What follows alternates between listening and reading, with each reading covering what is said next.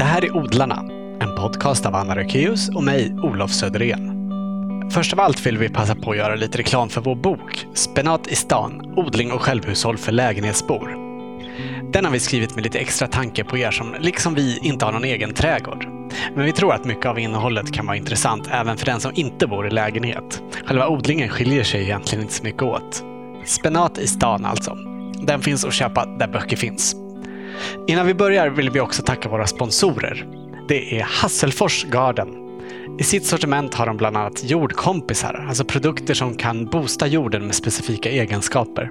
Till exempel sand som kan göra den mer väldränerad och lera som gör jorden bättre på att binda vatten och näring. Vi sponsras också av Grönytekonsult AB som saluför japanska kvalitetsverktyg som grensågar och sekatörer. Tack så mycket! Utan sponsorer hade vi inte kunnat göra någon podd. Dagens medverkande, Filip Hässlekvist, är trädgårdsmästare och jobbar idag på Fredriksdal museer och trädgårdar. För den som inte känner till det stället kan jag berätta att det är ett stort friluftsmuseum som ligger i Helsingborg. Innan han landade där jobbade han i många år på Bergianska trädgården i Stockholm och parallellt med det höll han kurser och föreläsningar. Han har också skrivit artiklar i olika trädgårdstidningar och trädgårdsböcker, bland annat en om chilipeppar och en om jord. Intervjun spelade vi in på Fredriksdal den 10 april. Varsågoda, Filip Hässlekvist. Nu sitter vi i ett eh, lusthus från 1810 i den här fantastiska parken. Ja, det är lite magiskt. Eh, platsen är absolut eh, fantastisk när man tänker på innehållet. Du ska få berätta mer om, om ditt arbete här så småningom. Men jag tänkte vi skulle börja med att prata lite om din bakgrund. Mm. Du är uppvuxen i Nantes i västra Frankrike. Ja, det stämmer. Fanns det odling omkring dig när du växte upp? Ja och nej. Min, eh, min fars trädgård var inte öppen för barnen utan det var hans eh, köksträdgård, eller trädgård. Jag hade också en väldigt frånvarande far. En far som tyckte att det var roligare att vara med kompisarna på bistroerna. Så mm. jag kommer ihåg att eh, när jag var 6-7 år så nu är det så att de vuxna ställer alltid sådana där dumma frågor till barn. Alltså, vad vill du bli när du blir stor? Och jag har alltid svarat trädgårdsmästare.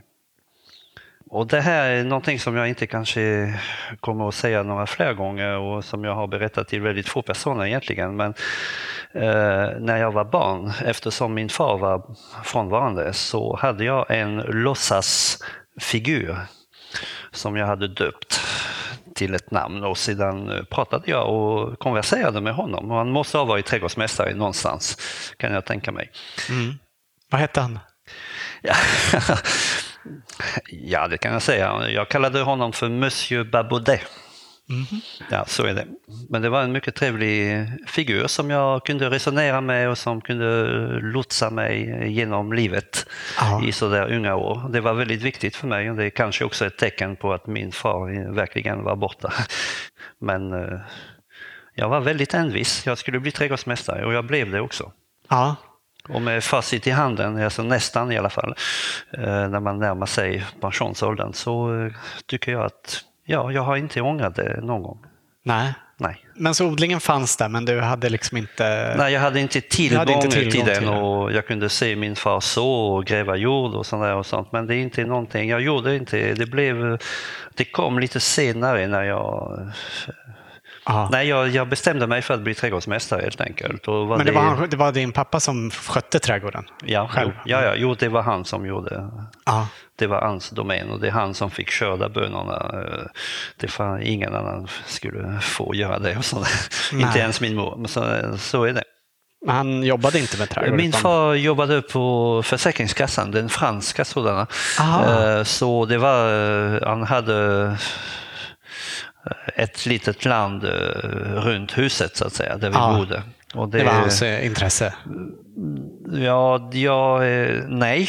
nej. jag tror inte att det var riktigt hans intresse fast eh, eftersom han skötte det så mm, när han hade tid eller när kompisarna inte fanns i närheten så alltså jag kan inte jag kan inte påstå att det var hans stora intresse utan eh, på något, alltså på något sätt så tyckte han att det var roligt ändå att odla för annars hade han inte odlat någonting. Nej. Men eh, det, var inget stort intresse, det var ingen eh, sån där fritidsintresse som man kan tänka sig idag. Nej. Det, det var det inte. Men eh, smög du dit du och, din hem, du och din hemliga kompis när, när han var borta, din pappa? Nej, jag gjorde inga... Jag hade större område att undersöka och sånt. Men jag har alltid varit en, eh, upplevt en viss dragning till naturen. Ja. Så när mina skolkompisar skulle gå ut på eh, disco och ragga tjejer så, så gick jag ut till, eh, det, det var faktiskt nunor som bodde i, ett litet sån här, i en liten park, ett litet slott som fanns med i parken. Alltså, det fanns eh, seder och, och araucaria, den här härdiga araucaria som, man kan, som växte ut, det var ett jätteträd. Och de hade valnötsträd och de hade en gammal vinodling. Och så. Och så jag, menar, jag, jag fanns där i parken, jag gick och plockade svamp där och jag, jag gjorde inga dumheter i den parken men jag var, det var en viss dragning till naturen. Alltså jag mår bra i naturen och det är så fortfarande. Ja. Jag kan gå vilse i skogen, det har jag gjort någon gång. Men eh, på något sätt som man kommer rätt i alla fall. Men alltså jag känner mig, jag är inte rädd att gå i skogen. Du känner dig hemma där på något Jag, jag känner mig, på något sätt så känner jag mig hemma. Ja. Ja, Men, eh, men åt ni det din pappa odlade, hela familjen? ja absolut. Ja. Ja. Eh, Min mor eh, hon tyckte inte om att laga mat men hon gjorde fantastiska inläggningar och konserveringar som man gjorde för Du vet med de här stora grytor som man eh, doppade burkarna i eh, sådär, och kokade vätskan där och sen så Ja, de blev konserverade. Alltså, Att man kokar Ja, man kokar i burkarna så ja, att säga. Precis. Mm. Helt fantastiskt. Och det var skönt också eh, och på vintern att dra, ta fram en sån burk och sen ah, det kom från trädgården ju. Ja. Det, var, det, det, det är magiskt att Tror- ha den här kopplingen mellan köksträdgården och bordet. Ja. Men det hör ihop på något sätt. Tror du den kopplingen hade någon betydelse för att du ville bli trädgårdsmästare? Nej, jag tror inte det. Nej, Nej. nej. det är den här eh, lilla figuren som jag resonerade med och som jag pratade med. Finns han kvar inom dig, den här figuren? Nej, det, det, den fin, han, finns, han är död för länge sedan. Eh, Men det var eh, min mor framför allt som en dag tyckte att ja, Filip har inte pratat om den här killen på ett tag. Så de frågade mig, "Vad- är det med, hur är det med Monsieur Baboudet? Nej, sa jag, han har dött. Ja. Det var ganska märkligt, för det, alltså, jag är inte psykolog naturligtvis så jag, jag vill inte blanda in några i det programmet. Men eh, på något sätt så, så det var kanske så att jag kände mig så pass stark och eh, att jag kunde klara mig på egna ben. Ja. Och då plötsligt så behövdes han inte. Nej. Och då hittade jag på att han hade dött. Mm. Det var du- något sådär, ja. Men du pratade om honom? Det var inte bara... Jag pratade om honom. inte för dig Alltså, själv? ja, nej, jag, jag pratade om honom. För när jag var i Tyskland så hittade jag en bok som hette Pappa Charlie att gesagt. Och det, det var en sån där barnbok där eh, just killen var väldigt ensam. Och han hade en låtsaskompis i samma ålder som han, antar jag. Så, det, så när han träffade sin far för han läste för sällan så, så han, han sa hela tiden ja men pappa Charlie har sagt det och det och sådär. Så det, det var så det är kanske mer vanligt än man tror. Det är kanske ganska nyttigt säkert. egentligen att ha eh, en sån där fantasifigur som leder en på livets vägar. Ja. Och menar, jag, eh, nej, men han, eh, han har dött för länge sedan. Mm. Jag var väl åtta, nio år, kanske tio när han dog. Mm. Men jag hade haft honom ett antal år med mig. Ja, ja. Du utbildade dig till trädgårdsmästare i Kiel. ja eh, kom det sig? plant, plantskolemästare egentligen. Ja. Och nu är det så att eh, efter eh, jordbruksgymnasiet i Frankrike, för jag hade bestämt mig, så mina föräldrar letade efter någon lämplig skola i närheten och sånt där. Så det blev pensionat, eh, fem år där, ända Ja. fram till eh, gymnasieutbildningen, de här tre år. Och efter det så försökte jag komma på en ingenjör, alltså trädgårdsingenjörsskola. Mm. Men de tyckte jag var inte så duktig i skolan egentligen. Eh, alltså jag lyckades men det var med nöd och näppe. Jag hade inte så lätt för studier så de, några andra bedömde att nej, du kommer inte att klara av de här högre studierna. Och då var det så att eh, trots att jag hade haft engelska i 20 år så kunde jag inte engelska överhuvudtaget. Men jag, någonstans så hade jag lust att lära mig ett främmande språk. Mm. Så jag gick till uh, motsvarande Arbetsförmedlingen, fast på lantbrukssidan. Det fanns en sådan i Frankrike. Och då tyckte de att uh, ja, men vi har en liten praktikplats där i Hamburg. Ja. Ja, och då tänkte jag att ja, okej. Okay. Då var jag 19 år och då, uh, jag kunde inte tyska när jag åkte till Tyskland. Inte mycket i alla fall, några ströda meningar. Mm. Men eh, ja, det viktigaste där också är att lära sig tyska, fast arbetet i plantskolan var ganska hårt och krävande. Så det blev kvällskurser och efter kvällskurs efter kvällskurs och sedan efter nio månader så kunde jag tyska eh, skapligt. Aha, snabbt. Så hade jag gått grammatikkurs och alla möjliga kurser som jag kunde gå på. Ja. ja. Arbetade du i Tyskland också? Eller var det ja, ja, oh ja. Efter några månader på min praktik så kom chefen rullande i sin bil i plantskolan och sen kallade han en fransman som var där också och jobbade i plantskolan och jag blev, vi blev kallade till bilen. Och då sa han till mig att ja, från och med idag så är du anställd. Så jag hade jobb där, heltidsjobb. Så det stället du kom och, och gjorde praktik på, det var samma som du jobbade på sen? absolut. Det var så det var. Hur länge var du kvar i Tyskland? I Tyskland var jag där eh, fem och ett halvt år. Aha. Och ett år för militärtjänsten, som jag, jag ville gärna uh, vara i Tyskland och de skickade mig till Tyskland eller, så att jag kunde praktisera språket fortfarande där. Så det var alltså sammanlagt sex och sex och ett halvt år i Tyskland. Aha. Men du gjorde fransk militärtjänst fast Ja, i det var Frankrike, alltså. men de hade, på den tiden så hade de fortfarande de här zonerna efter andra världskriget. När var, när var det?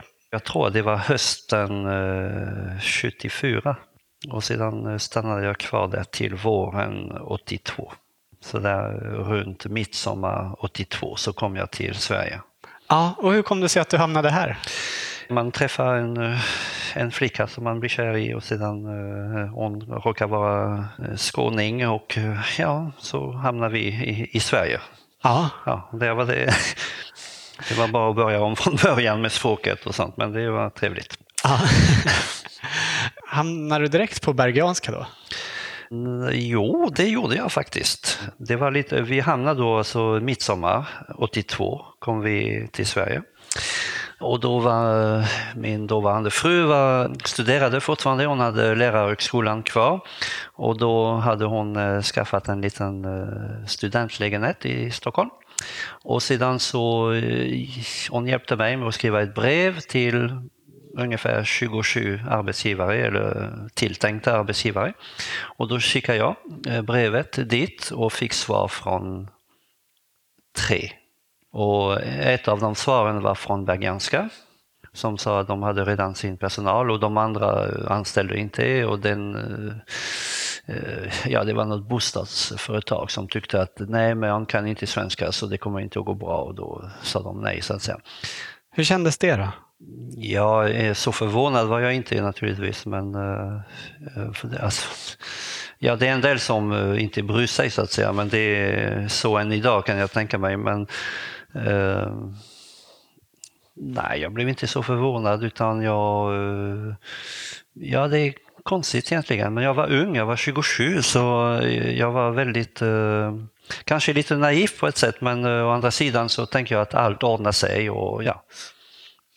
Och sen så eh, visade det sig att på höstkanten där så var en trädgårdsmästare på Bergianska som hade råkat ut för någon olycka som hade ja, gips runt benet. Och, ja. Så jag fick en anställning där en månad i alltså september. Som ett vikariat? Ja, jag hoppade in som eh, en månad där. Ja. Och sedan efter det så sa chefen till mig att ja, vi, eh, du, du ska söka säsong eh, nästa år. Och sen i, i, oktober så gick jag in på AMU Center och sedan 20 veckor senare så kunde jag svenska. Det låter lite skrutigt ännu, men det var faktiskt så. Ja. Jag lärde mig svenska på 20 veckor. Aha. Och sen fick du säsongsjobb. Ja, Och sen blev du kvar där. sen blev jag kvar eh, 20 år till. Ja. ja. Men så kan det vara också. Det är så jag har sagt eh, på senare år att eh, man halkar på några väldigt trevliga bananskal här i livet. Och så är det. Nu. En äldre trädgårdsmästare på Bergianska skulle gå i förtidspension och han ville gå lite sådär att han, att han jobbade 14 dagar och sedan eh, var ledig 14 dagar. Och då fick jag hoppa in där. Och eh, ja, det ena gav det andra och sedan i slutet av eh, säsongsåret så var jag redan fastanställd fast anställd där. Ah. Så det, det, alltså, det har gått så fort så det är... ja, så är det. Och där jobbade du med köksträdgården? Nej, inte direkt. Nej. Nej, inte direkt. Utan det är faktiskt eh, Marina Rudberg som är trädgårdsmästare på Valdemarsudde. Jag tror att hon är kvar där. Hon såg att jag var väldigt intresserad av att eh, odla grönsaker. Och hon själv var kanske mer intresserad av kryddor och vilda växter och. Så eh, jag fick erbjudande att eh, ja, men det skulle passa dig att ta över i köksträdgården. Och så blev det. Ja. Så från eh, 1985 började jag med köksträdgårdsodling. Där. Och det, ja, sen var det en, ska man säga kärlekshistoria, det vet jag inte, det är kanske lite starkt, men eh, grönsakerna, det har blivit hela mitt liv sen efter det så att säga. Ja. Så är det. Men det är lätt att fastna i det här. För det är så, de är vackra i sig, mångfalden är häpnadsväckande och dessutom kan man sätta tänderna i dem. Så det är, vad vill man ha mer egentligen? Nej. Ja. Vi läste att du bland annat eh, anlade en avdelning för asiatiska grödor i Ja. Bergianska. Mm. Hur kom det sig då? Ja, det kom sig att eh, på den tiden så försökte vi på hösten att eh, ha öppet husdagar och sådana där saker. Och då kom vi på idén att vi kunde kanske lyfta fram några olika typer av grönsaker. Och sedan så, asiatiska grönsaker fanns inte speciellt mycket. Men så föddes idén att, eh, att vi skulle provodla och göra någonting med de asiatiska grönsakerna och ha det som tema just det året.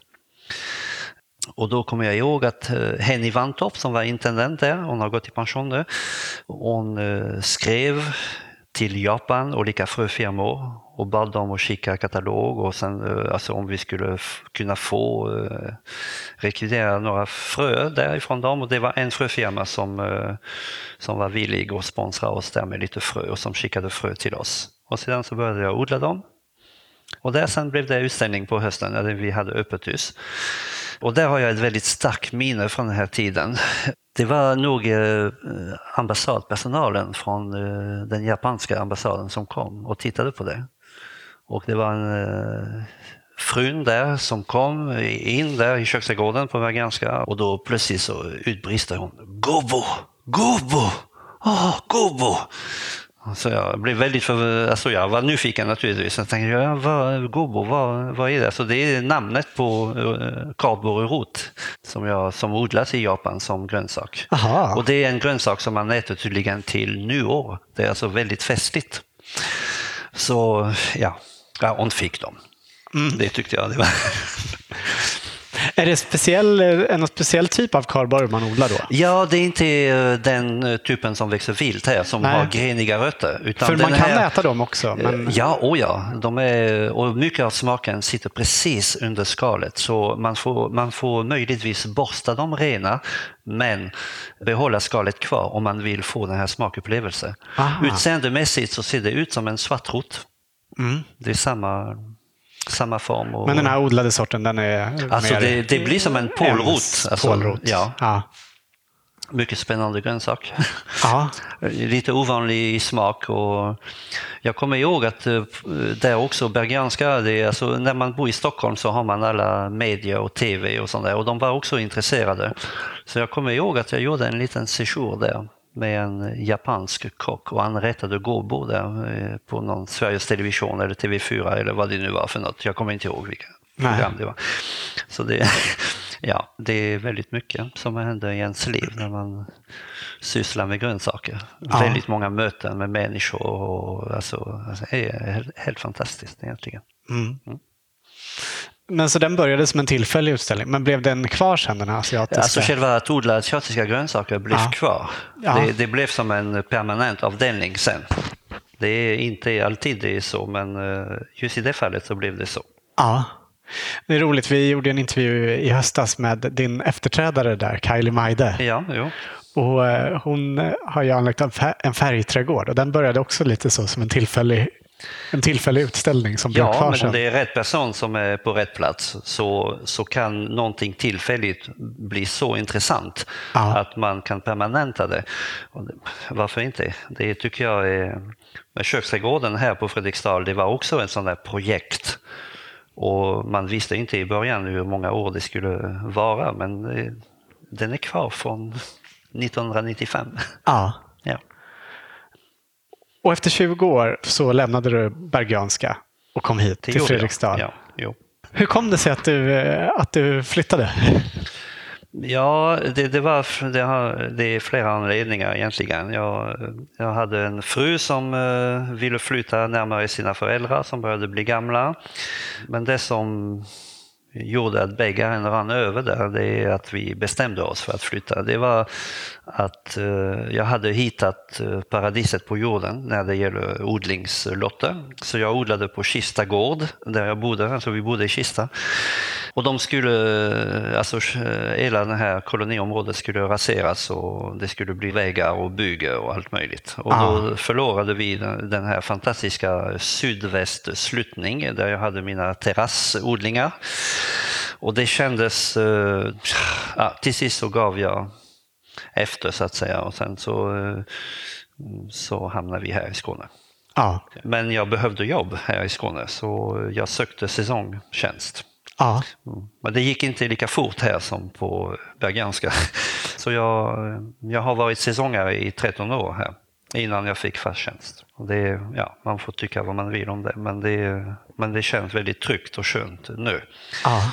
Eh, Då är det inte så länge du har varit fast anställd. nej. nej, det är mitt andra år här nu. Ja. Så är det. Vill du berätta mer om den här platsen?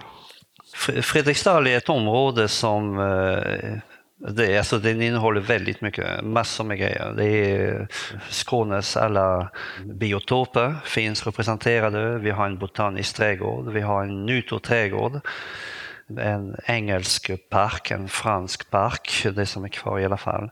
Vi har eh, ja, Nils Poppes eh, teater, alltså Fredriksdals teater som är där på platsen. Eh, Vi har en eh, stadskvarter med gamla hus som kommer från Helsingborgs kärna där de höll på där och riva och bygga nytt.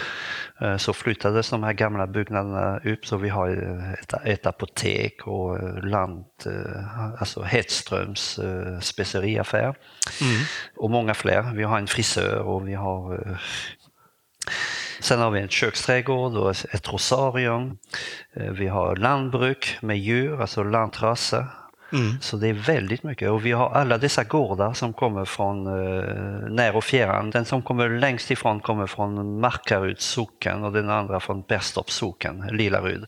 Och allt ligger samlat runt en, en herrgård från 1700-talet. Ja, det där är alltså huvudbyggnaden egentligen, det är herrgården och de här eh, ekonomibyggnaderna som eh, hör till eh, både södra och norra flygeln då. Med ett brygghus där man då bryggde öl och bakade i den här ugnen som ni såg. Mm. Fredriksdal har en otrolig pedagogisk verksamhet. Eh, Jag blev väldigt förvånad ni- 2004 när jag kom till Fredriksdal att det var så mycket skolklasser som kom till Fredriksdal och skulle undervisas i alla möjliga saker. Ja. Det känns väldigt stort när vi gick omkring här innan. Hur stort är hela området? Ja, Fredriksdal är betydligt större än eh, man kan tro egentligen, även om det har varit mycket större en gång i tiden. Men nu är det ungefär på 32 hektar. Och här är du köksträdgårdsmästare. Ja, så kan man säga. Ja. Och ansvarar då dels för en stor fruktträdgård. Fruktträdgården, eh, ja det har jag ansvar för också. Det är eh, med hjälp av mina arbetskamrater också.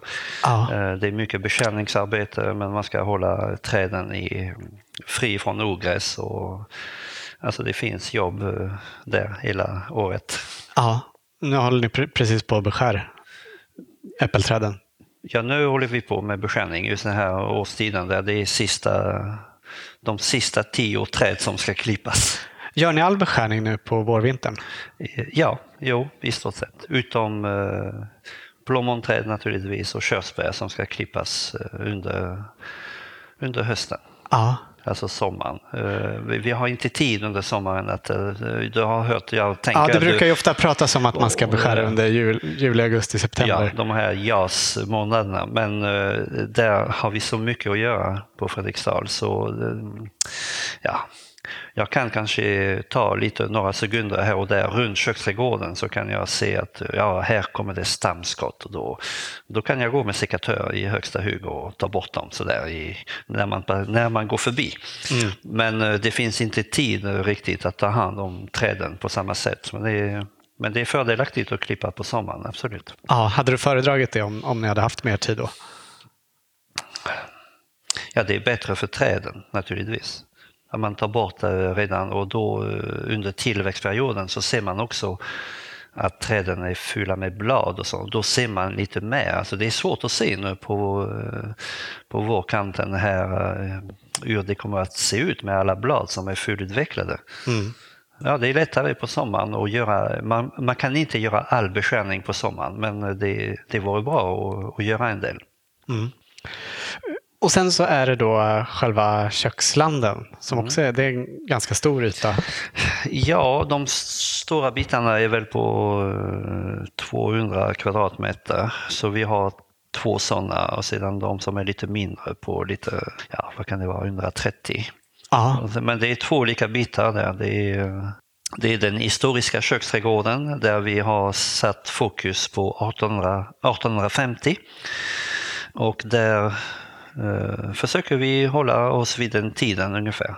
Och det är lite alltså växter som odlades på den Eh, tiden. Ja, sorter som odlades på den tiden och grönsaker som odlades på den tiden. Så du kommer aldrig att se isbergssallad hos oss. Inte heller brutsockerärt. De finns inte. Alltså det, allt som kommer lite senare, fänkål eh, odlar vi inte där heller. Eh, Inte eh, alltså grönsaksfänkål så att säga. Krutfänkål odlar vi men inte i den avdelningen. Nej. Du berättade om en speciell salladssort här innan. Ja, det är alltså 1850 och det, jag brukar säga att eh, gärna 1850 plus 49 år. Då är man i alla fall där i 1899 och sedan eh, minus eh, hur många år som helst egentligen. För det är grönsaker som har överlevt eh, både 1700-tal och 1800-tal ut- utan problem egentligen. Och de finns kvar än idag, det är det som är så fantastiskt. Så jag har en salladssort, jag har Royal Oak Leaf som är från 1686. Det är Ah. nog den äldsta grönsaken som jag odlade. Ja. Vet du vet du om den har odlats här ända sedan början också? Nej, därför att vi har inte de här exakta listorna från den tiden. Och det, det är lite, men de, de kan mycket väl ha odlats på den tiden. Absolut. Mm. Men, vet ni om köksträdgården har legat på den platsen där den ligger nu? I, i, eh, både ja och nej. Det har ändrats under årens lopp och vem som ägde eh, Fredriksdal under åren. Det jag kan berätta är att eh, där köksträdgården är nu så har det funnits ett så kallat kast växthus, alltså en sån där ett, ett lågt växthus för odling av, ja, om det var gurkor eller sånt där. Och det har funnits byggnader också i anslutning där kruträdgården är nu, bakom stallet. Så det har funnits sådana arbetarbostäder och kolland där också. Så eh, på ett ungefär så har det funnits eh, grönsaksodlingar där, ja. Men det har inte alltid sett ut så som det ser ut idag. Nej. Så, men platsen är ändå eh, densamma. Ja. Har ni tittat på gamla ritningar och så? Ja, ni... inte, ja, vi har gjort det. Ja. Eh, Det finns en del riktningar, det finns en del böcker som berättar vad de sålde på marknaden. För de gick ner med sina produkter och, och sålde på marknaden i Helsingborg Aha. en tid. Mm. Men det är som sagt, det beror på vem som eh, ägde Fredriksdal. För det har varit många ägare Ja. Under årens lopp. Och i den historiska köksträdgården så har ni också en rabarbersamling. Ja, jo. Hur många sorter är det ni har? Ja, det är inte sådär jättemånga sorter, men det är alltså 22 och sedan är det nog, eh, ja det kan vara ett 30-tal, lite 35 sorter kanske allt som allt. Mm. Och en del är namngivna redan. Eh, och det är sorter som eh, spjangbjer, Spjangbjerg, alltså en eh, dansk sort som innehåller väldigt lite oxalsyra. Helmsfoyer, Enblitz, det är de här tyska sorterna. Och sen engelska sorter som är fantastiska egentligen, jättefina rabarbersorter. Och sedan den andra sidan så har vi en insamling Eh, rabarber. Så eh, det är 22 kloner. De har inga namn, men man vet var de kommer ifrån. Så det, det var några från Skåne och några från ja, Bohuslän och eh, Småland är det norra Stockholm, som Sörmland och sedan är det ända upp från Lappland. Så det är rent geografiskt så, så kommer de från hela Sverige. Ja. Rabarber är en växt som människorna har något förhållande till. Alltså det finns i varenda trädgård någon rabarberplanta. Och de, de, har gjort en insamling helt enkelt och eh, tittat på dem och studerat dem och DNA-testat dem och jämfört Aha. med två sorter. För att se om de är släkt med de här Ja, två. om de är ur mycket gener av den sorten de har och, eller inte. Så, så vi, ja, det där är ett mycket spännande arbete. Ja. Och de används här också. Så vi har rabarber som är väldigt vackra som utmärker sig på grund av sin blomning till exempel. De har röda blomknoppar, det är lite ovanligt. En del har grå eh, daskiga blad. De har mm. lite olika bladformer. En del har väldigt smala kälkar och en del har, ja det är nästan som eh, under armen, alltså i tjocklek. Det, ja, Ja, det finns en stor variation. Ja, det finns en uh, fantastisk variation och sedan är det smaken också som uh, sägs uh, skilja sig från sort till sort lite grann. Men där måste man vara väldigt uh, rabarbernörd kanske för att kunna se den här skillnaden egentligen. Så där har jag, så långt har jag inte kommit. Nej, men du är lite av en sortnörd annars? Ja, det finns så många sorter. Alltså om du, du menar grönsakssorter? Ja, eh, du har ju till exempel skrivit en bok om chili och eh, ja. vi läste att eh, du, ett år odlade 170 olika sorter. Ja, det stämmer. Det var 1999 på Vergianska ju, så vi skulle göra en chilipepparutställning. Och anledningen till den här utställningen är egentligen eh, tillfälle också. Man färdas med tunnelbana till jobbet på morgonen och sedan så plötsligt så står det en eh, reklamskylt där framför ögonen där det står älska med hetta ikväll. Och det var Hötorgshallen som gjorde reklam för sina chilipeppar, både torkade och färska. Så efter jobbet, vad trodde man gör? Ja, man, man går dit och mm. Eh, botaniserar bland det där. Och då blir man eh,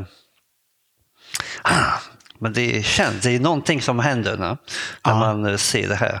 Och hos mig så gick jag till eh, Henny Vantorp som var min botanist. På, jag jobbade med Henny Vantorp på, på Bergenska. Så en, en trädgårdsmästare, en, en botanist. Mm. och det är hon som hade ansvar för gröns, som botanist för grönsakerna. Så jag gick till henne och sa, titta, det, där, det är samma art, allt det där, men titta på den här variationer. Alltså det är helt otroligt. Och då tyckte hon att, eh, ja men kan vi inte göra en utställning av det? Och jag sa, ja men jag har aldrig odlat chilipeppar, jag vet ingenting om det. Jag sa, ja men, ja, men vi får provodla lite och se. Och sen så sagt och gjort. Den är, Provar ni 170 sorter? ja, jag prövade, nej, jag prövade första året så var det bara några sorter. Men eh, Aha. till utställningen så hade jag plantor som var på sitt tredje år. Och det var intressant. Ja. Därför att de hade vuxit till eh, helt makalösa plantor. Så de var tre meter höga, tre meter breda. De var spaljerade, fullt med frukt. Det var verkligen eh, ganska imponerande Häftigt. egentligen. Ja. ja. Idag så är det ju väldigt populärt att odla chili. Eh, men, men hur var det då för 20 år sedan när, när det här började? Ja, det är nästan 20 år sedan, ja. minsann. Ja, kan man säga att man var lite före sin tid. Ja.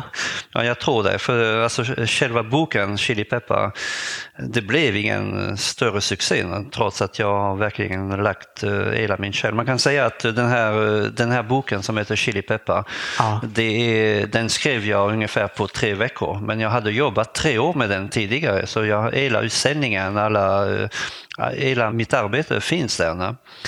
Så, och alla de här är odlade till alla de här bilderna de kommer mer eller mindre från just eh, det som jag odlade för utsändningen. Ja, bilderna i boken. Så eh, ja, där var det vilda, de vilda formerna av de kända eh, arterna. Så Havanna peppar med små runda kulor. Det, det, är, så, så, alltså det är en vild form verkligen av det som kallas för habanero nu. Eller, ja. Så ja, den boken är men den blev ingen uh, succé. Uh, så det kändes som om den kom lite före sin tid. Ja. ja. Mm, har du någon favoritsort? Ja du. ja, när det gäller, jo, jag har en favoritsort. Jag har alltså en sort som framförallt kan odlas här i Sverige på friland och som ger resultat. Även förra året när det var så regnigt hela sommaren så fick jag fantastiskt fin skörd. Eh, egentligen är det två sorter, men den, den absoluta sorten är Espelette. Den, den som kommer från franska Baskien. Och den sorten är absolut eh, den mest odlingsvärda. Oh, wow. Här visar en bild från Frankrike där det hänger frukter över, en hel vägg. Ja, det är så. Det är den gamla metoden för att torka den här chilipeppan i solen mot en husvägg. Det är så de har gjort. Men sen har odlingarna tagit fart i franska Baskien eh, runt eh, Espelette som är en liten by i franska Baskien. Inte långt, 20 kilometer från Bayonne. Ja. Och där är det fem olika orter som har fått eh, tillåtelse att odla den här Espelette. Och nu är det en AOC sa du? En AOC. AOC är beteckning, alltså en eh, garanti så att den kommer från ett visst område. Den är ah. odlad i ett visst område. Ah, ja. Så jag kan odla det här Espelett här men jag kan inte sälja det som Espelett egentligen. Nej. Du berättade här innan att ditt odlande av den här sorten har uppmärksammat i Espelett också. Ja, den sorten är lite, lite speciell för jag vill gärna ha den på utställningen på Veganska. Och eh, jag skrev till borgmästaren i, i Espelett och berättade om mitt projekt och att jag gärna ville visa Espelett och sånt. Och då skickade han eh, ett paket till utställningen. Aha. Och ja, då, ja, stort tack och sådär. Och, mm. och sedan eh, när utställningen hade gått, så, eller strax före utställningen tror jag, så fick jag ett brev ifrån ett, vad ska man säga, intresseskrå i Frankrike. Alltså eh, Le Piment d'Espelette. Eh, det, alltså det är som en, ja man kan säga, man kan inte jämföra med frimurare här i Sverige, det kallas för någonting speciellt. En orden? Orden, ja just det. Chili Pepper orden från Espelette som skrev till mig och som ville dubba mig ridare vid deras chilipepparfestival i slutet av oktober. Så mm. direkt efter utställningen så tog vi flyget till Paris och sen tåget ner till eh, Baskien. Ja, och den vägen är det. Där blev du dubbad till riddare. Ja, ja det är ja, ja, vad kan man säga. Men det var, det, var, det var väldigt festligt att delta i den här eh, arrangemang för det, de bjuder in alla möjliga orden som finns i Frankrike och det är inte bara ett. Det finns för uh, forell till exempel, det finns en för de här små trädgårdssnäckorna, de, de med skal på som man äter, ja. escargot. Så, så, alltså det finns eh, ett sån här eh, order för eh, vitlök också i någon, något område där. Så det är massor med olika och det, det som kännetecknar dem här är att de gör reklam för den regionala produkten och, men de är framförallt så riktiga gourmet kanske, alltså de tycker om att eh, äta gott och just den här produkten som de gör reklam för. Alltså det, men det var trevliga människor att träffa. Ja. Väldigt spännande att se på deras odlingar och prata med odlarna framför allt. Alltså det var verkligen ett fantastiskt möte där. Mm. är, du, är du fortfarande intresserad av just eh, chili? Ja, absolut. Ja. Oh, ja. Förra året så, eh, jag är gift med en eh, underbar kvinna, Åsa. Och Åsa hon jobbar här som pedagog och hon är projektledare också eh, för olika, och hon är projektledare för någonting som heter Mat på riktigt. Vi vill gärna fokusera på just det här med mat, alltså god mat och framförallt mat med ekologiska produkter och lokala sorter. Det är väldigt viktigt. Och det är ett, ett återkommande evenemang som ni har Det är här. åker, ja, oh ja, varje år i början av september, första helgen i september, det är en söndag. Så, eh, och förra året så ville hon, hon tyckte att ja men det, chilipeppar, vi ska, kan du inte ha en eh, chilipepparskola? Så då, och då blev det också så. Ja. För annars så odlar vi inte, jag har introducerat chilipeppar i odlingarna här. Jag har odlat den här eh, spanska padron som går att odla här på friland och ger jättefina, eh, mycket fina resultat. Ja. Och sedan espelett framförallt som jag odlar varje år. Och det är, det är alltså ett Fredriksdals trädgårdscafé. eh, Han var lite nyfiken på just det här med chilipeppar så han har, förra året så köpte han ett antal kilo där. Kul. Du berättade ju om den historiska köksträdgården. Ja. Men vi hann aldrig till framtidens köksträdgård. Jag gissar att det är där kilin finns. Ja, jo det är det. det är, alltså den här rutan är lite mer eh, fri så att säga. Man kan använda den här eh, rutan för att eh, ha olika teman. Så vi har haft till exempel bönor, bönor och ärtor som verkligen är klimatsmart mat kan man säga på många sätt. Ja. Man kan äta dem färska, man kan äta dem eh, när de är nästan mogna men fortfarande färska. Och sedan kan man eh, framförallt eh, skörda frö och lagra det. Och sen man, man behöver inte ha varken kyl eller frys eller någon konstighet för att lagra dem. Så det är väldigt klimatsmart och innehåller mycket protein. Om man vill äta mindre kött så är det väldigt bra att ta till sig. ja. Och de går att lagra nästan hur länge som helst också. Ja, ja absolut. Oh, ja. Eh, Så det, vi har haft eh, det under några års tid, eh, två år i följd tror jag, men sen så har jag odlat pumpor på hela, hela stora området. Ja. Hur många olika sorter av pumpa odlar, odlar ni? Ja, alltså i år blir det ungefär samma som jag odlade tidigare år, det är ett 50-tal sorter. Har du någon favoritsort av dem? Ja, det har jag i och för sig. Det finns alltså, men det är framförallt en grupp där som är det är det, de som kallas alltså Cucurbita maxima som betyder jättepumpa på svenska. Även om de väger ett halvt kilo. Ja. Men de här pumporna de har en egenskap som eh, de andra arterna kanske inte har riktigt. Och det, och det är att de eh, innehåller lika mycket vatten som potatis. Det vill säga 85 procent ungefär. Och de känns alltså, det är samma konsistens som potatis. De är något mjöliga. De innehåller socker också. 5-7 procent beroende på sorterna. Och det gör att den sötman finns där. Så om man ugnsbakar dem så behöver man inte hitta på så mycket mer egentligen.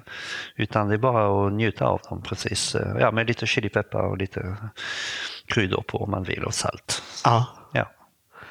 Så de här pumporna, det finns sorter där. Det är en sort som är fantastiskt vacker som heter Ushiki Kuri. Den har funnits ganska länge och yrkesodlarna odlar den också i större skala. Ja. Sen finns en som heter Crown Prince som jag kan rekommendera. Den är jättefin. Den ger lika mycket skörd oavsett om det är en regnig sommar eller en varm, solig och torr sommar. Så den är väldigt Bra tacksam. tips. Ja, jo, den är, den är verkligen... Och det ger frukter på ungefär 3-4 kilo. Ganska lagom stora. Ja, med 3-4 kilo så kan man göra en hel måltid med, med den pumpan och ha några gäster till och med. Så ja, Mm. varför inte? Precis, men det är inte som att ha en som är, väger 10 eller till och med 50 kilo. För då hinner man inte äta upp den innan den Nej, blir och det dålig. är, det, det är det som är i år så eh, Även när vi vill uppmärksamma nu den här donationen, alltså eh, Fredriksdal fyller 100 år som friluftsmuseum egentligen, eller som museum. Eh, Så när jag tittar i gamla frökataloger från 1918 så finns det bara eh, någonting som kallas för märgpumpa och då är det cucurbita peppo, precis som våra vanliga squash. Ja. Du får tänka dig en squash som du låter växa och som får ett hårt skal. Mm. Då blir det en pumpa plötsligt. Och eh, Man la in det som man lägger in gurkor. Ah, Och då kan man naturligtvis uh, njuta av dem också. Man, kan- man, man gör inläggning och det var, de här, det var det som fanns. Och sedan var det någonting som kallas för gelbcentner. Och de kunde väga 50-60 kilo. Men då var det också cucurbita peppo. Och det är, de är vattniga, de är fadda i smaken, de innehåller inte lika mycket socker. Och det gör att smakupplevelse, om man inte kryddar till det ordentligt så är smakupplevelse absolut platt. Mm. Det finns ingenting i de här pumporna. Så det är, det är därför jag brukar säga att halloweenpumpor vill jag inte se här i trädgården. Därför att de är inte värda att odla egentligen. ja, det kommer jag kanske att få en massa kommentarer på det. Men, men det, det är min mening i alla fall. mm. Men det är ett bra tips det där med att lägga in om man har eh, alltså vanlig zucchini som har blivit förvuxen, som har växt sig för stor. jo, jo, men du kan göra mycket ta annat hand om också. den ändå. Du kan göra en fantastisk, eh, det liknar en ostkaka fast det är gjort med squash. Och i den här smeten så river du eh, squash, alltså köttet från en sån där. Och, det är, och sedan bakar du i ugnen helt enkelt. Det är, mm, den här squashkakan den är fantastisk med en liten klick eh, sylt. Ja. Härligt. Och i år kommer du ha en liknande, liknande det som ni hade med Chili förra året, att ni har en pumpaskola. Mm, jo, det är så att uh, det är Åsa fortfarande som är projektledare där och uh, min käresta tycker att uh, pumpa, alltså vi använder jättemycket pumpa hemma i, på alla sätt och vis. Vi steker, vi har det i sallad och vi har det alltså i kakor, i bröd. Och alltså vi använder jättemycket pumpar egentligen. Så, eh, så hon tyckte att eh, det skulle vara intressant att slå ett slag för pumpor. Därför att eh, det har visat sig att svenskarna de börjar intressera sig för pumpor. Men intresset är ganska så... Alltså det man ser på pumpan på, med misstänksamma ögon än så länge. Ja. Och det är någonting som man gröper ur till halloween och sånt där. Men alltså man äter inte pumpa. Det men det finns verkligen de här sorterna. Ja, ushiki curry, buttercup, sweet mama och alla de här sorterna. De är verkligen riktigt, riktigt goda. Så, eh, så jag ska berätta om de här olika, uh, ungefär samma upplägg som med chili i skola förra året, men det kommer att bli med pumpa i år. Och det kan hända att det lockar ändå, kanske mindre folk än förra året, men förra året så var det en skola där jag hade väldigt många elever. De var, för det chilipeppar är ändå ganska eh, hett, om man ska säga så, ja, det är det. eh, i dubbel bemärkelse. Tiden Eh, har kommit ikapp dig nu. Pumpa, är, vi får se. Men jag tror att pumpa är väldigt intressant därför att eh, de är vackra, frukterna är väldigt vackra. Man, först så ser man bara ett hav av blad, gröna blad och blommor som sticker ut. Men eh, när bladen börjar bli sämre mot östkanten så ser man äntligen frukterna som kommer där. Och det är alltså, eh, ja det är väldigt spännande. Det är, så, det är alla möjliga former och alla möjliga färger. Och, ja. Och sedan den ena är godare än den andra. Så jag tycker att vi ska nog... eh, Ja. Det går ju att använda dem på så många sätt också. Du, du pratade Ja. här innan om att du Ja. odlat eh, nakenfröpumpa också. Ja, nakenfröpumpa odlar man egentligen bara för frönas skull. Och det där är någonting som jag har, eh, det är inte bara med den grönsaken, men det där är alltså eh, människan som hela tiden har velat pressa oljor av olika eh, växtfrö och alltså olika växter, oliv och men även pumpor alltså har man försökt naturligtvis att pressa olja ur fröna för det är ändå en bra oljekälla. Men förr i tiden så var eh, pumpa fröna när de kom till Europa från eh, Amerika så var fröna eh, de hade ett hårt fröskal och inuti så fanns den här kärnan som man kunde pressa och göra olja utav. Och sedan hände det plötsligt i en odling i Österrike. Säga det var slutet av 1600-talet, kanske början av 1700-talet. Så upptäcker plötsligt en odlare att oj, titta vad konstigt. Inget fröskal på mina frö. Det är en mutation med andra ord. Och den här mutationen har inte hoppat tillbaka utan den är beständig. Och då har man plötsligt börjat odla just de här nakenfröpumporna. I, framförallt i Österrike. Och så nu, den odlas i Kina och nu och den odlas i Ungern och forna Jugoslavien. Där odlas det nakenfröpumpar överallt. Och jag har gjort en del försök. Jag har varit där i Österrike och tittat på eh, odlingarna. Och det är väldigt spännande. Alla mm. produkter som man kan göra med pumpafrö också. Det är, det är helt otroligt. Ja, det är, det är väldigt gott med pumpafrö. Ja, det är, och det är nyttigt också. Ja. Särskilt för, ja det är nyttigt för kvinnor också, men särskilt för män eftersom vi har ändå någonting som heter prostata. Och det hjälper mot prostatacancer, det hjälper mot urinsvägsinfektion också. Så det är, om man har, eh, om jag inte är felinformerad naturligtvis, men eh, det verkar som om i Mellanöstern där man äter väldigt mycket eh, gurkfrö och pumpafrö så har man har inte, männen har inte samma problem med prostatacancer till exempel. Okay. Så det är någonting att tänka på där faktiskt. Spännande. Ja, det är, och det ämnet som det innehåller ett kurbicin.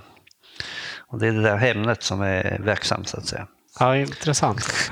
Så när man, eh, när man öppnar en pumpa så ska man eh, faktiskt spara de här fröna och sen så är det klart, man får skala dem. Ja, det är ju lite ja. pilligt. Ja, det är lite pilligt men eh, ja, det är värt besväret faktiskt. Ja. För det är, man kan ju tugga, bita sönder dem. Och ja, man jag biter sönder dem mm. och sen öppna dem när, när de är torra så ja. går det väldigt fort. Du nämnde ju att eh, en del av kilen du odlat gick till kaféet här. Vad gör ni av skörden i övrigt? Eh, nu är det så på Fredriksdal så kan man köpa grönsaker där hela sommaren.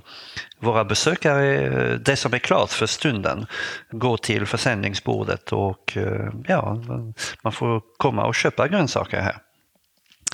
Men eh, de flesta grönsaker de säljs till Mikaeli marknad där vi den här stora skördefesten i slutet av september. Där säljer vi hela köksträdgården så att säga. Där tömmer vi. Ja, så ingenting går till spillo av det som odlas Nej, här? Nej, och det är det som är skillnaden mellan uh, mitt tidigare arbete på Bergianska där det var en, uh, köksträdgården var en utställning och där fick man se grönsakerna gro och växa upp och bli stora och fina och sedan när de var som finast och man skulle köra dem så lät man dem gå ända tills de ruttnade på platserna nästan. Ja, man tog bort dem kanske, men eh, innan de ruttnade helt och hållet. Men de får alltså leva och dö på det, på, i utställningen. Medan här så eh, eh, vi odlar och använder grönsakerna. Mm. Så det är mm. både en utställning och en produktions... Ja, det är en utställning, men uh, när man kommer till Fredriksdal så det kan vara så att uh, när ärtsäsongen är slut så finns det inga ärtor att titta på, utan är, då röjer man. Mm. Du berättade här innan att när du jobbade på Bergianska så försökte du ändå ta vara på det du kunde Ja, det som man kunde ta vara på gjorde man eftersom vi, eh, Bergianska, precis som Fredriksdal här, har en, eh, en julmarknad, alltså julställning. På, på Bergianska var det en julställning. Och eh, då är det klart att man spar. Jag odlade kolväxter som jag flyttade från köksträdgården och planterade i stora krukor för att kunna visa levande och växande på, när det var dags för, för julmarknaden, alltså andra advent eller så. Och lökväxterna tog jag in och torkade och visade också därför att eh, det är väldigt roligt att visa alla de här växterna som eh, man använder eh, på julbordet eller i olika julsammanhang. Och det är roligt att visa dem levande också. Mm. Inte bara färdig produkt på något sätt eller så. Nej, såklart. Och sedan så är det så, det är klart att man, det är roligt att smaka på de här gamla sorterna för att kunna säga till folk att den här sorten, den ska ni odla. Den är så god alltså. Så jag har smakat på olika sorter, men den sorten, den ska ni verkligen pröva för den är fantastisk. Mm. Och jag, både på Bergianska och här träffar jag människor som gärna vill odla hemma och då det är, de kommer hit och ser det och sen kan de prata med mig och då får de plötsligt så får de säga ja, vi ska odla den sorten. Det kan hända att de får frö också ibland. Det, för några år sedan så fick jag tag på en, en sort som heter Bern Landfrauen som är en brytböna. Ja. Eh, en stör brytböna och den kom upp på 1930-talet ungefär som sort. Eh, kan vara lite äldre än så men den eh, har odlats där i Bernområden där i Schweiz. Men Ja. den brudbönan, den, den är så smörig, den är, så, den är så god. Jag har aldrig smakat en så god eh, brudböna egentligen. Det finns inga mo- moderna sorter som är så smakrika och så, så köttiga och det smälter i munnen. Det är, ah. Så, så visst, det är viktigt med sorter. Så eh, den sorten måste bara odlas. Du, går, det, går den sorten att få tag på någonstans? Eh, Jag har, det kan, jo, jag tror det ta, man kan få tag på det om man anlitar eh, utländska fröfirmor. Mm. Men däremot i Sverige så, så finns den inte som sort.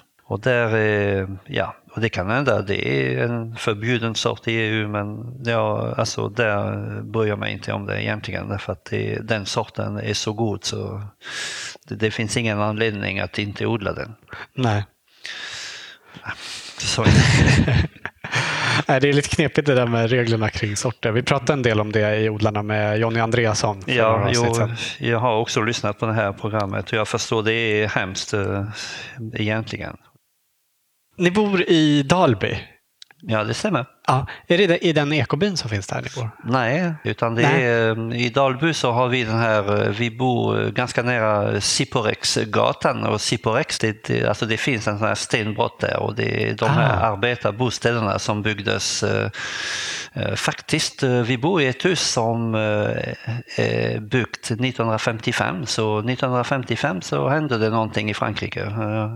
Det är då jag föddes ju. Så jag bor i ett hus som är lika gammalt som jag. Ja. Men det är alltså, Åsa eh, skilde sig också efter 25 år eh, äktenskap. Och jag, så vi träffades så småningom efter våra respektive skilsmässor och blev ett par. Och hon har tre barn och hon lovade sina barn att bo i samma by som pappan. Och då flyttade jag till Dalby. Ja, det var, så blev det. ja. Odlar ni där hemma också? Jajamän. Ja, och där har vi lite tufft ska jag säga, för det är, vi jobbar eh, här i Helsingborg och pendlar Ja, det är till en bit Dalby. att åka. Ja, det är en bit att åka, i synnerhet med Skånetrafiken, så eh, det kan ta sin lilla tid. Så vi, vi är på resande fot ungefär eh, minst tre timmar varje dag. Så det är klart, det är, men vi bygger upp trädgården. Det är tung lerjord så det är bara att kämpa på. Va, vad odlar ni för något där? Eh, vitlök naturligtvis.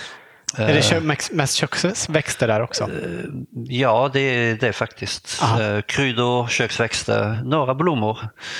Eh, Vid ingången där så har jag en liten rabatt som jag håller på nu med och som jag, då blir det eh, både lökväxter och blommor. Så jag, jag är inte ointresserad av blommor men eh, och väldigt många blommor kan man sätta tänderna i också. Ja, man kan ju det. ja. Så, men det är så mycket kryddor och mycket eh, grönsaker.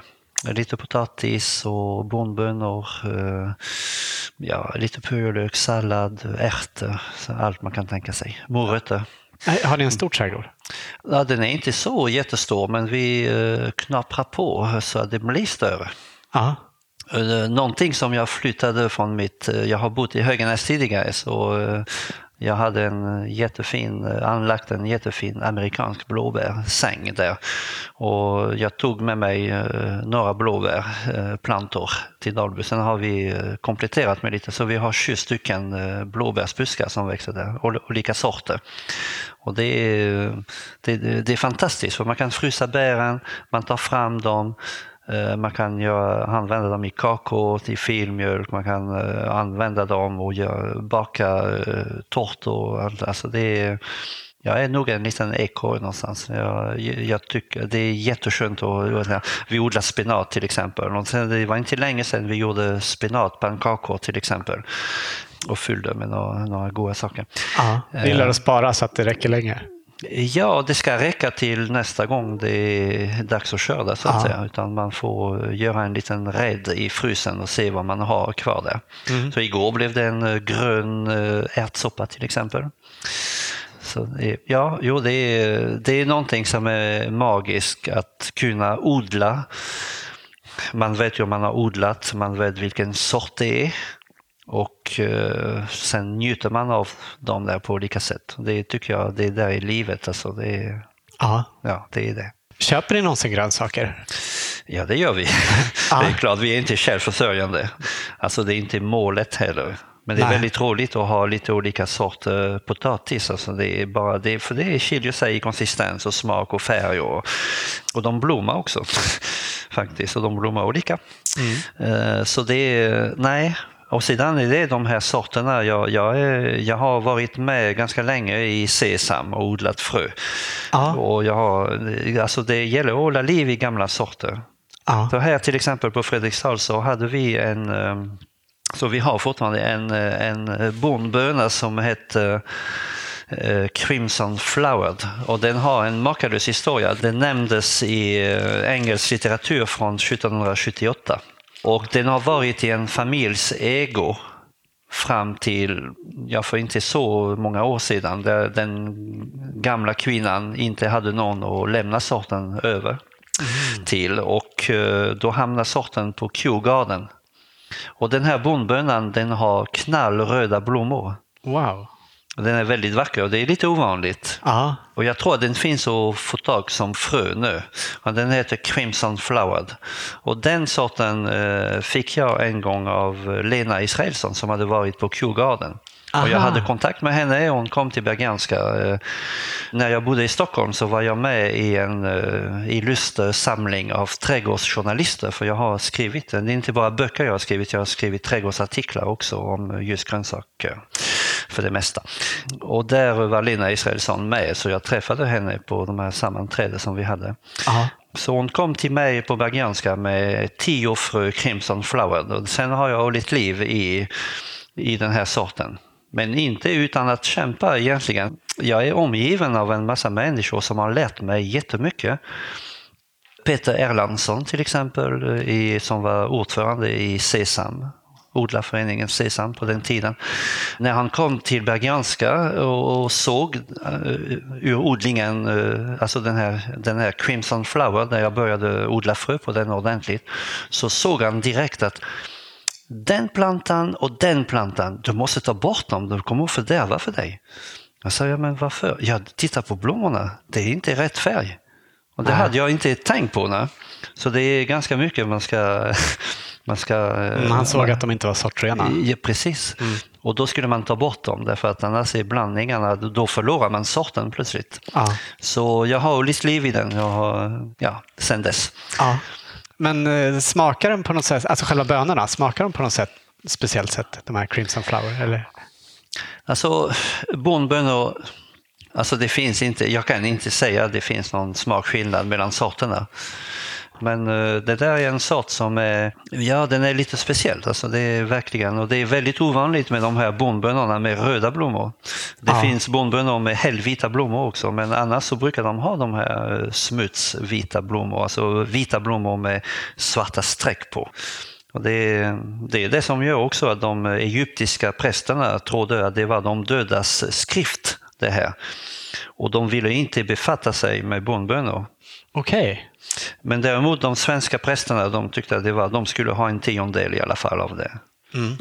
Så de var inte lika kräsna där. Men eh, ja, det är ganska roligt egentligen. Mm. Jag, har, eh, jag är väldigt intresserad av just den här eh, historien kring, även om det är svårt ibland att veta exakt sanningen. Det är inte så enkelt. Nej. Men det finns både historia och historia, så det finns den här stora, ja, var det kommer ifrån, vad det har utvecklats och sådär. Men sen så finns det också några anekdoter kring de här grönsakerna som är värda att, att nämna ibland. Så jag gör det gärna. Har du fler exempel på sådana? Jag tänker på den här uh, tysken som heter Hieronymus Bock. Han var uh, medicinare och botanist. Och han, uh, han sa var någonstans i de tyska områden skulle man använda bladpersilja utan att använda dess rötter. Det var året 1532 tror jag om jag minns rätt. Och, men rotpersilja då, Rotpersilja är en annan grönsak, men den kommer mycket senare egentligen. Och det är samma sak där. Det är, jag vet inte exakt hur det har gått till. Men faktum är att en persiljeodlare, bladpersiljeodlare, måste ha upptäckt i sin odling när han började gräva upp eh, odlingen på hösten så märkte han att vissa plantor hade pålrötter istället. Och då plötsligt så tänker han, ah, det där är kanske någon idé. Och då fortsatte han odla frö på det och, och sedan så blev det rotpersilja. Så rotpersilja kommer först på ja, 1700-talet ah. Började man odla rotpersilja. Och rotpersilja är en grönsak som är väldigt mild i smaken. Den är helt alltså, sagolik. Man kan äta den som råkost, man kan äta den ugnsbakade, man kan använda den i soppor naturligtvis. Och, alltså, det är väldigt många användningsområden. Men eh, den kom minsann efter bladpersilja. Men bladpersilja och rotpersilja det är exakt samma växt. Det är det som är Det är fascinerande, verkligen fascinerande hur det har kunnat... Alltså, det är ju samma med, med jättemånga växter egentligen. Om man tänker med eh, betor. Det måste ju vara Betorna. samma sak också. Ja, precis. Och betorna är, ja, där är ett, ett exempel som jag gärna tar upp faktiskt när jag har besökare här eller när jag har grupper som jag eh, lotsar genom eh, köksträdgården här på Fredriksdal. Alltså strandbeta är ursprunget till mangold. Sen började man odla mangold och romarna de hade redan mangold i sina odlingar. Men sen så fick man vänta till 1500-talet innan mangold förvandlades eh, till den här rödbetan som vi känner idag. Så det är, eh, och sedan efter det så kom foderbetan. Där behövde man inte vänta så många år. För det är en storväxt eh, beta egentligen som är foderbetan. Och de är väldigt goda också, eh, måste jag säga. Ja. Smakar det precis som Det röd- smakar som, en rödbetor? rödbeta. Ja. Ofta är färgen på köttet är annorlunda. Den är antingen gul eller vit. Men det finns gula betor och vita betor. ja, det gör ju det. Och så vitt jag har förstått så är de vita betorna eh, väldigt goda. Mycket godare än eh, de andra tydligen, av någon konstig anledning. Ja, men det är de som är svårast att sälja när man ska sälja dem på en marknad.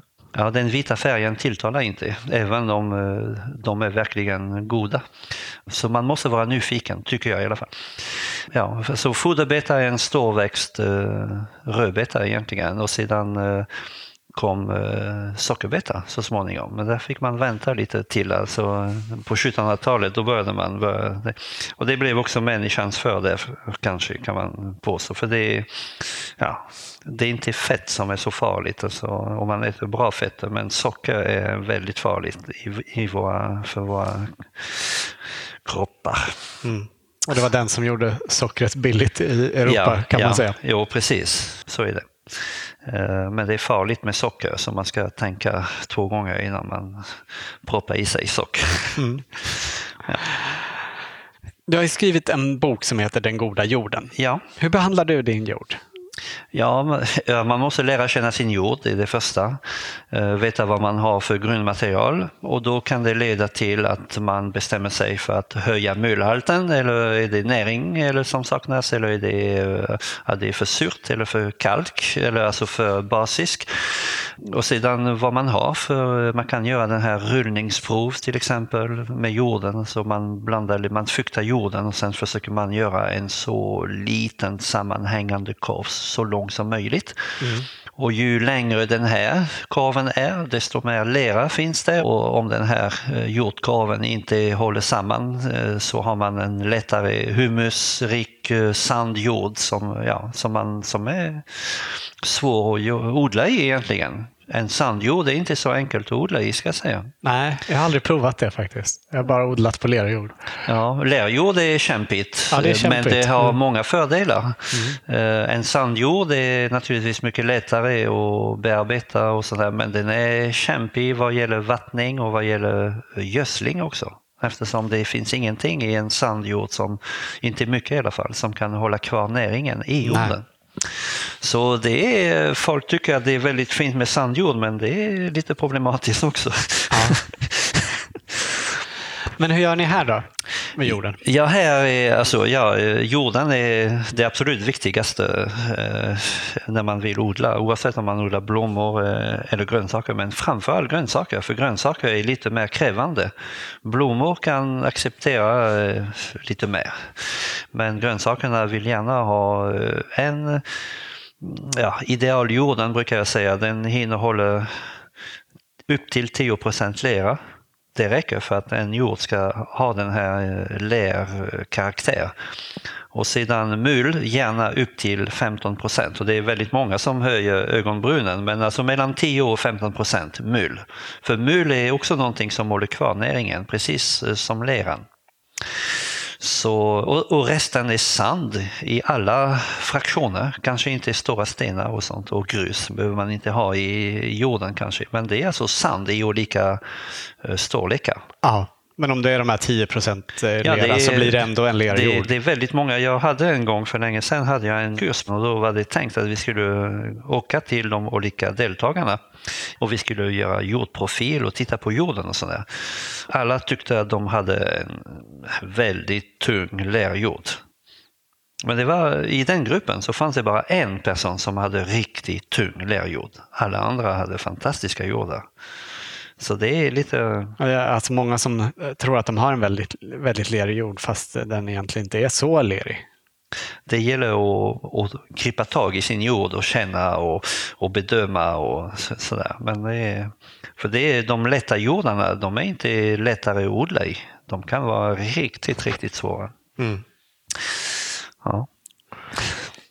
Men här så fyller ni på med, ni, ni har ju djur på Fredriksdal Vi har djur på Fredriksdal och vi använder gödsel, alltså välbrunnen eh, stallgödsel. Så, men vi kan, eh, vi kan bara gödsla upp en, en av de tre bitarna som du såg där i köksträdgården varje år. Och då väljer jag naturligtvis att gödsla den delen som ska innehålla blad, grönsakerna, inklusive alltså blad och kål. Och välbrunnen stallgödsel, det är också viktigt. Det ska inte lukta det djurslag som det kommer ifrån. Så man ska inte kunna se att det där är ko och det där är häst och det där är gris. Alltså det, det ska man inte kunna se. Nej, utan det ska se ut som en svart en mull. Fet, en fet svart mula som luktar gott. Som man ska lukta och sätta fingrarna i och sen det luktar härlig mula.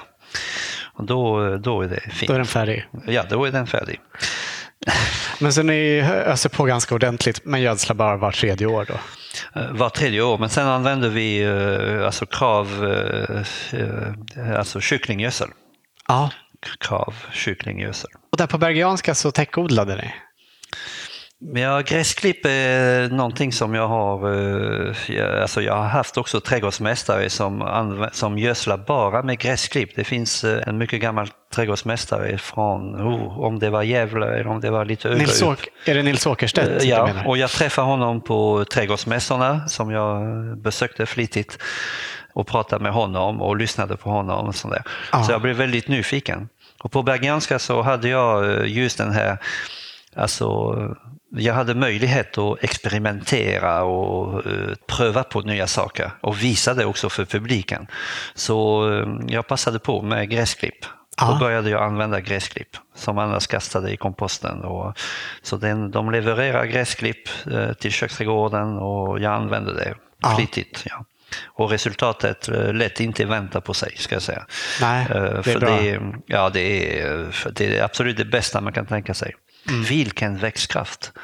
Det är helt sån, det är osannolikt alltså. Jorden under ett sånt här gräsklippstäcke är alltid lycka. Det drar till sig massor med dagmaskar och jordlivet som är så viktigt. Ne? Både svampar och lite högre djur mm. som man ser med blotta ögat, plus alla andra som man inte ser. Men här, eh, här på Fredriksdal så använder ni inte gräsklipp? Nej, det gör vi inte. Nej, hur kommer ja. det sig då? Ja, det är, ja, man skulle kunna mycket väl använda gräsklipp men eh, det, det, verkar som om det inte passar i den tiden som vi vill visa. Okej, man gjorde alltså, inte så på, ja, på jag, har, jag vet inte. För jag, det finns inga belägg tydligen på att man har gjort det. Nej. Så det, ja. vi får leva med det, men det är någonting som uh, växterna skulle må mycket bättre och resultat skulle bli mycket bättre om man började täcka jorden med gräsklipp. Ja. Du kommer ju från ett, uh, ett mer gynnsamt klimat odlingsmässigt än vad vi har här. Mm. Kan du längta till att odla längre söderut? Mitt liv är där jag, min familj är. Så ja, det, mitt liv är med Åsa och eh, jag mitt liv är här och då längtar jag inte efter Frankrike mer än som resmål. Jag skulle gärna vilja visa Åsa just mina hemtrakter. Mm. Saltutvinningen ur havet och alltså Bretagne som är ett fantastiskt eh, område. Men eh, det har inte blivit av än så länge. Nej. Men, men, men det kommer. Vi har pratat ganska länge och din arbetsdag här är snart slut. Eh, är det någonting mer som du skulle vilja att vi pratar om innan vi slutar? Det, ja, man kan prata flera dagar om grönsaker ja. egentligen. Hur man odlar dem, hur de smakar och vad man kan göra med. Uh, men jag tror att vi har pratat om Ja, det är i så fall är det mm, alltså, uh, lite mer om alla dessa arrangemang som Fredriksdal har ja. under året. Och eh, de är eh, bland de få som har en eh, svamputställning som är av sällan skådat slag ja. egentligen. Och den, varar, den är också i september, strax före Mikaeli marknad. Och där, där går personalen ut i skogen och plockar svamp. Ja. Är du svampplockare? Ja, Mm, det är jag. Och det har jag varit. Eh, jag har varit intresserad av svamp eh, när jag var barn redan. Vi åt ändå några svamp hemma. Men i Frankrike så finns det inga sådana där skogar som man kan bara ströva i och plocka svamp. Det går inte, alla är privata. I Tyskland, i norra Tyskland så är det bara planterad skog ganska tätt. Så där har jag inte plockat svamp. Men när jag kom till Sverige så vaknade den här svamp som hade legat latent, den här, det här intresset. Så eh, det första som jag kom i kontakt med det var brunsopp och jag visste inte vad det var riktigt. Så jag gick på Naturhistoriska museet med en sån där brunsopp som jag hade plockat precis vid eh, studentbostäderna där vi bodde. Och, eh, ja, och sen har jag jag har gett mig ut i skogen. Mm. Men det som är fantastiskt här på ett sån arbetsplats är att när personalen får delta i arbetet med att gå ut och plocka svamp så blir man plötsligt expert. Alltså. Är, man lär sig så mycket. Och jag tycker att man, man har så mycket att lära sig hela livet egentligen. Så det är en dag där man inte lär sig någonting. Det är ingen bra dag egentligen. Nej. Så det, det gäller att, att passa på att lära sig saker så mycket man... Det, det är så fantastiskt att ha och det, det där med svampplockning det är alltså eh, ett intresse som jag delar med Åsa också. Så vi kan gå ut i skogen och plocka svamp och vi har alltså, ja, vi torkar svamp och vi lägger in. Eh, ja, det så ja. det, och vi äter inte bara kantarell. Så är om, ja, det var förra året där i höst, på höstkanten där vi började räkna. Där var, hur många svampar äter vi? Så jag tror vi hamnar på över 30 stycken. Oj, olika ja, svampar. Många. Ja, det är några stycken som vi har smakat på. Eh, några som inte var sådär jättegoda, de är ätliga men de var sådär. Men eh, det, ja, det var väldigt många svampar. Så det är någonting som man lär sig här också, så man får den här kunskapen. Det är, jag vet inte, man växer. Eh, och det är, det är ett stort intresse, svampplockning. Så jag är lite, lite smått galen i svamp. Ja, jag skulle behöva gå en svampkurs tror jag, för jag kan kanske fyra, fem sorter men det finns ju så ja, men Det finns mer. väldigt många som håller på på hösten och drar ut folk i skogen och lär svamparna och sånt där. Ja. Uh, Pelle Holmberg har jag haft och träffat också i Stockholm. Ja. Och han är jätteduktig. Han har skrivit jättefina och pedagogiska böcker om svamp. Så de rekommenderar jag verkligen. Mm. Mm. Vi brukar alltid avsluta våra intervjuer med att våra medverkande får ge sitt allra bästa odlingstips. Mm. Vilket är ditt? Ja, skapa den goda jorden.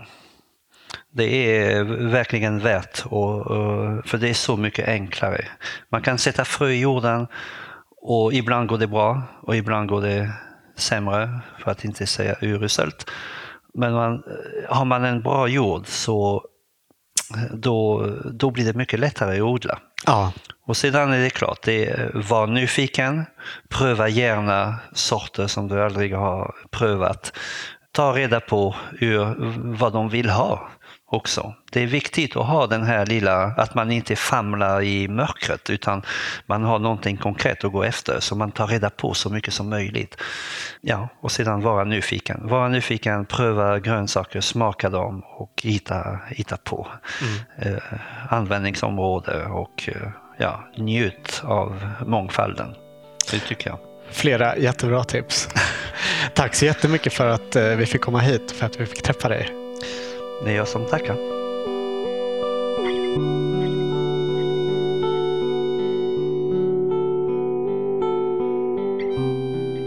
Du har hört Filip Hässlekvist i Odlarna.